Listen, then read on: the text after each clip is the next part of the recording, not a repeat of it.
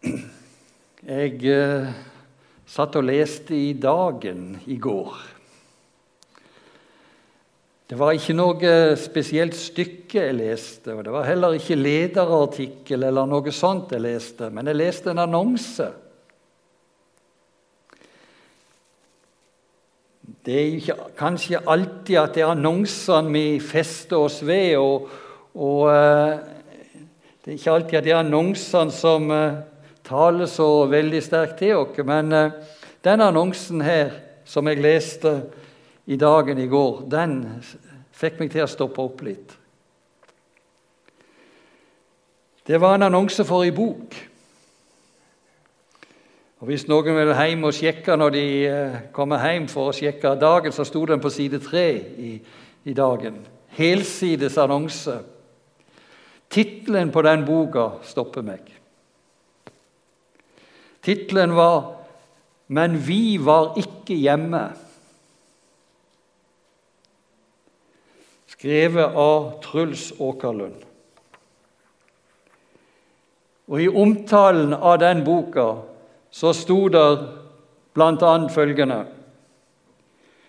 Gud vil oss noe i de livene vi lever.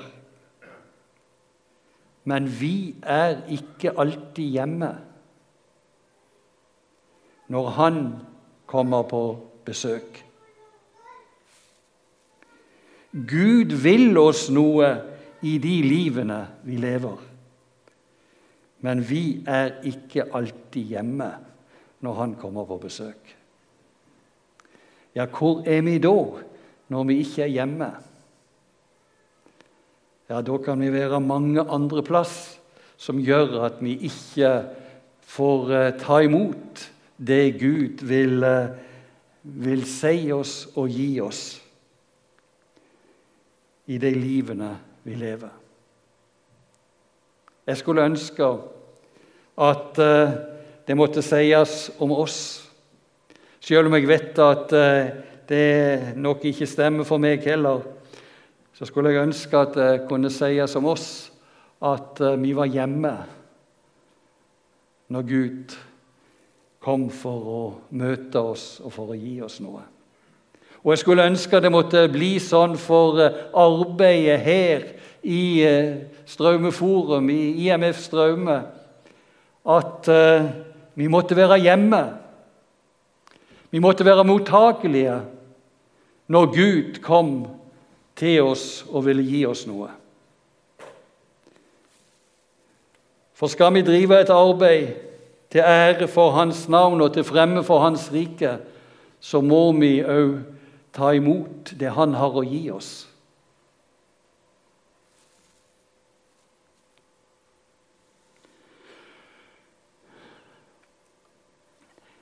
Den teksten som jeg eh, skal lese, det er ikke det som er teksten for denne søndagen. Normalt så pleier jeg å bruke søndagens tekst når jeg eh, skal tale på søndag formiddag, men eh, denne teksten stoppa meg opp her for en tid tilbake. Og eh, det ble liksom den jeg skulle lese for dere. Fra Jesaja kapittel 6. En tekst jeg har vært innom mange ganger, eh, men som eh, på nytt igjen stanser meg.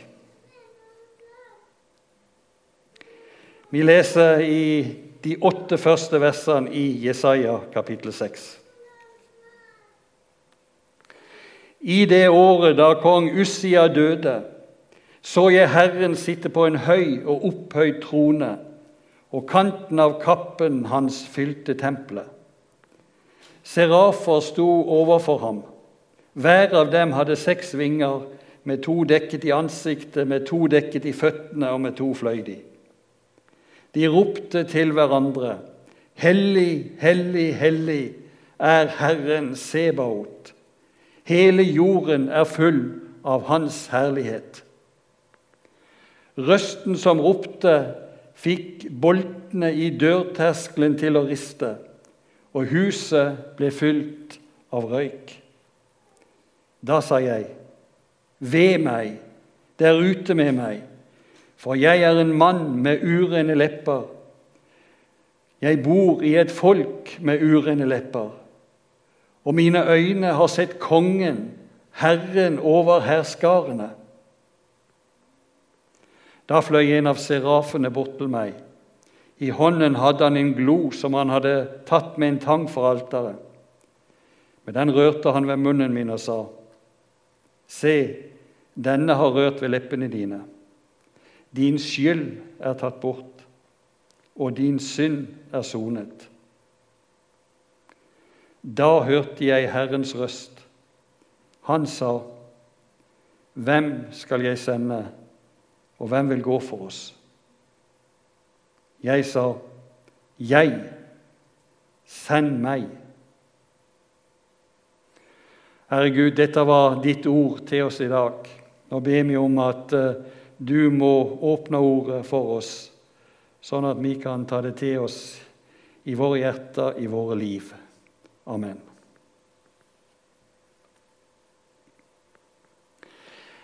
Det er kanskje dumt å spørre denne forsamlinga, men uh, jeg gjør det likevel. Tror du på Gud?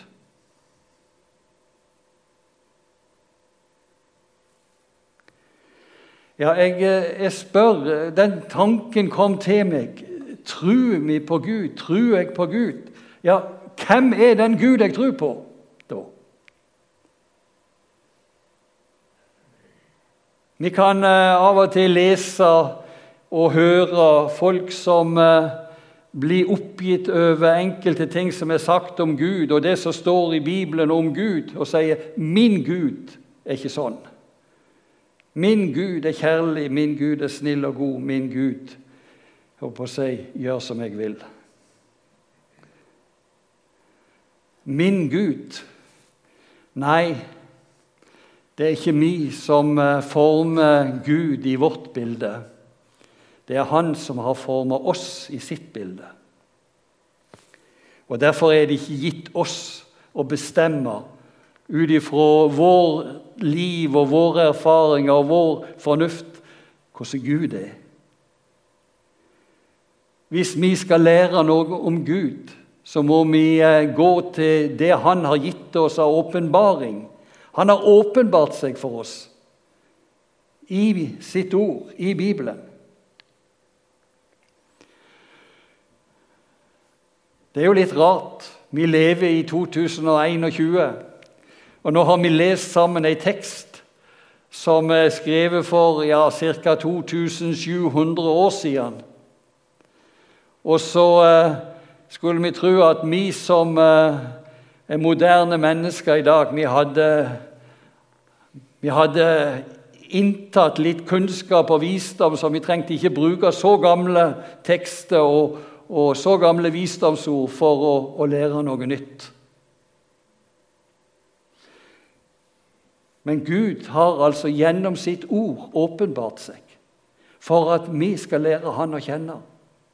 For at vi skal lære Hans vilje å kjenne, og for at vi skal lære Hans vilje med våre liv å kjenne.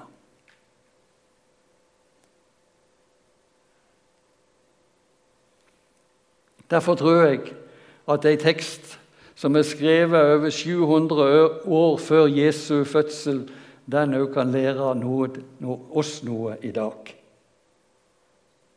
For uh, det er sant som profeten Malaki sier i uh, sitt tredje kapittel og sjette vers, og gjengi fra Herren Jeg, Herren, har ikke forandret meg. Vi har med den samme Gud å gjøre. Det er den samme Gud som, som er virksom i dag som var virksom både på Jesajas tid og uh, Jesu tid og til alle tider. Men det skal nok sies at disse første versene i den teksten vi har lest, de uh, er litt fremmedarter for oss. Uh, her er det snakk om, om serafer, og her er det snakk om en opphøyd trone og kappe som fyller tempelet. Det er ikke alle ting som er, er, er selvfølgelig for oss som lever i dag. Derfor trenger vi å, å spør hva betyr dette Hva er det som skjer her? Jo, det er profeten som får et møte med Gud. Og når han skal beskrive dette møtet, så må han liksom ta i bruk noen av de ord og uttrykk som han kjenner, og som han opplever der og da. For det er så veldig, dette, dette møtet med Gud. Det, så, det, sprenger liksom de rammer han har for, for sitt vanlige liv. Og så må han eh, beskrive dette på en sånn måte at, eh, at dette, dette går ut over det, det som er det vanlige.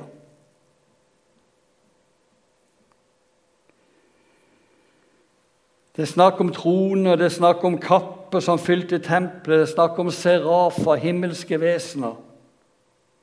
Og alt dette peker på at vi har med en Gud å gjøre som er høyt opphøya over oss mennesker. Og så er det snakk om en Disse serafene de, Det står her at de ropte til hverandre. De som har greie på språk mer enn jeg har, de vil si at det er ikke bare det at de står som en heiagjeng og roper, men det er mer som en lovsang, det som foregår og som Jesaja opplever. En lovsang der temaet er nettopp å opphøye Gud fordi at Han er hellig. Og denne hellige Gud, som Jesaja møter her i dette avsnittet, denne Gud er det vi har med å gjøre i dag òg. Han er hellig, han er rein. Han er opphøya over alt det vi som mennesker er. Og Derfor er det òg sånn at, eh, at eh, beskrivelsen her Han mangler nesten ord når han skal få si alt det han opplever, Jesaja. Han står overfor eh, kongen Herren over herskarene, han som er overalt. La dere merke til hvordan denne teksten, dette avsnittet begynte.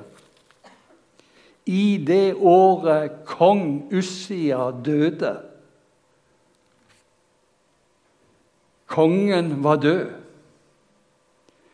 Men kongenes konge lever og viser seg virksom. Han er ikke død. Han var levende da, og han er levende i dag.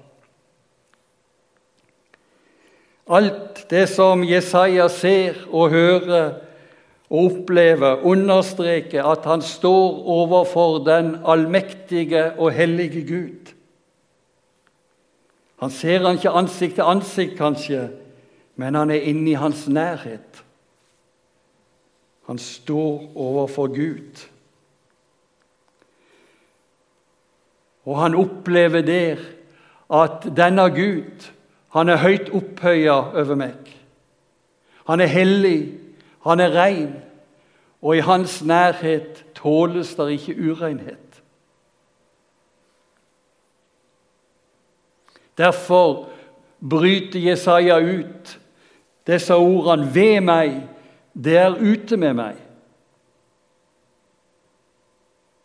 Det er ikke plass for han som er urein, i dette fellesskapet med den hellige Gud. Ja, en tidligere oversettelse av dette skrev og sa Ved meg, jeg er fortapt. Det var den opplevelse Jesaja hadde i møte med Gud i tempelet fordi at han så si urenhet. Han så si synd. Og sånn kunne han ikke leve og ha fellesskap med Gud. For Gud er hellig og ren. Og i uh, Tredje Mosebok kapittel 19 så, så uh, sier Gud til Moses og til israelsfolket dere skal være hellige for jeg, Herren deres Gud, er hellig. Og Peter han gjengir akkurat disse ordene i sitt første brev. Dere skal være hellige, for jeg, Herren deres Gud, er hellig. Og det var jo alt annet enn hellighet Jesaja opplevde der han sto overfor Gud. Han opplevde seg som urein. Han opplevde seg som fortapt. Grunnlaget for fellesskap med Gud var borte, sånn som han sto. Og det var ingenting han kunne gjøre. Og Den situasjonen som, som Jesaja her beskriver, det er egentlig menneskets situasjon overfor Gud.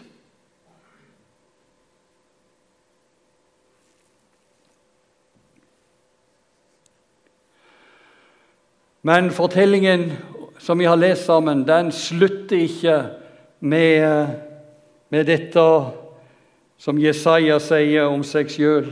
Ved meg, jeg er fortapt. Det er ikke det siste som uh, skjer.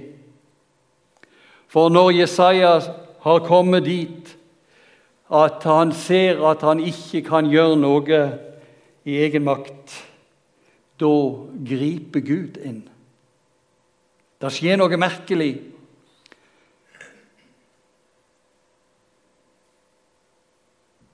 En av serafene kom bort til han. I hånda hadde han en glo som han hadde tatt med en tang fra alteret. Og så rørte han ved munnen til Jesaja og sier, Se, denne har rørt ved leppene dine. Din skyld er tatt bort, og din synd er sonet. Gloa, gloa var tatt ifra et alter. Et alter som minner oss om at det var gjort en soning for synder. Ikke noe som Jesaja sjøl hadde stelt i stand, men noe som Gud hadde stelt i stand. Noe som Gud hadde gjort. Og for oss så er det naturlig å peke framover Eh, mot det Gud har gjort for oss når det gjelder å sone vår synd og skyld. Når han sendte Jesus, når han gikk i døden for vår synd og skyld. Og Derfor er det at uh, Gud kan så å si forkynne evangeliet til Jesaja her, der han er i sin hjelpeløse situasjon. Din skyld er tatt bort, og din synd er sonet. Jesaja blir rensa ifra all synd og skyld. Han blir rensa av offeret som er brakt på alteret, som Gud hadde ordna med. Og så får Jesaja tilregna nåde og tilgivelse og han får tilregna seg en hellighet som han ikke har i seg sjøl, men som han får ved trua på, på, Gud. Og Det samme er det jo som skjer med oss når vi kommer til Jesus, når vi kommer til, til Gud. Vi får uh, ta imot Han, og vi får oppleve å få nåde og tilgivelse. Sånn at vi blir rensa ifra alt. Og det er det vi trenger. Det er den renselse vi trenger. Den som eh, bare Gud har gjort i stand for oss ved Jesus, ved hans offer for vår synders skyld. Heller ikke der slutter fortellinga om Jesaja. Nå er han eh, satt inn i et nytt fellesskap med Gud fordi at alt det ureine er tatt bort, og han er eh, blitt helliggjort. Da er det at Jesaja hører Herrens røst. Og Herren kommer med et spørsmål til han som nå har opplevd å få eh, et nytt liv. Hvem skal jeg sende og hvem vil gå for oss? fordi at Gud hadde bruk for sine redskaper òg i denne tida for å formidle sitt ord til det folket som, eh, som han levde midt imellom. Til det folket som eh, så ofte hadde vendt han ryggen, og så ofte ikke ville ha noe med han å gjøre. Hvem skal jeg sende, og hvem vil gå for oss? Og egentlig er det jo sånn eh, for oss òg. Vi har fått et nytt liv ved trua på Jesus. Og så kommer spørsmålet hva skal vi bruke dette nye livet til?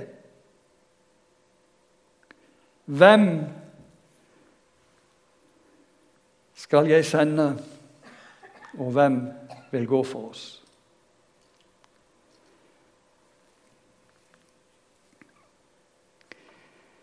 Det handler om uh, vårt forhold til Gud.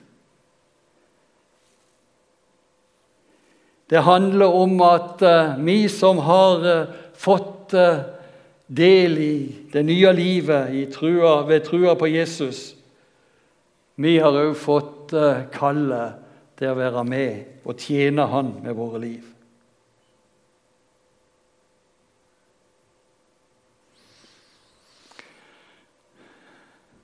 De sto her framme, lederne i de forskjellige lag.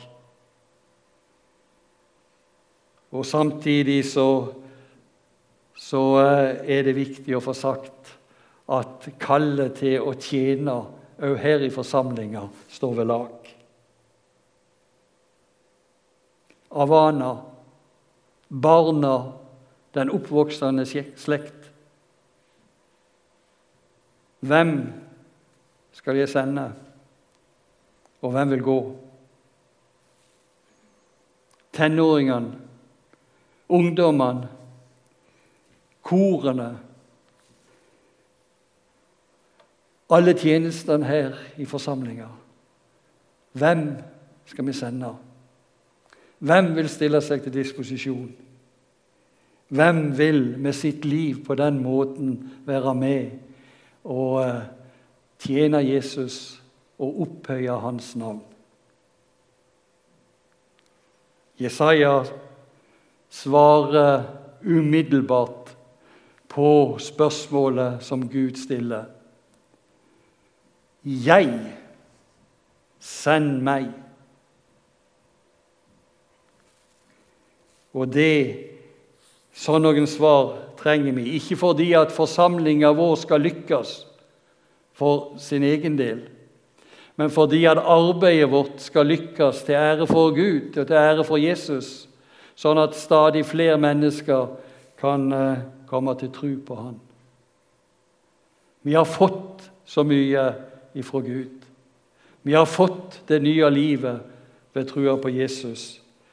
Og så skal vi få leve det nye livet i tjeneste for Han. Amen.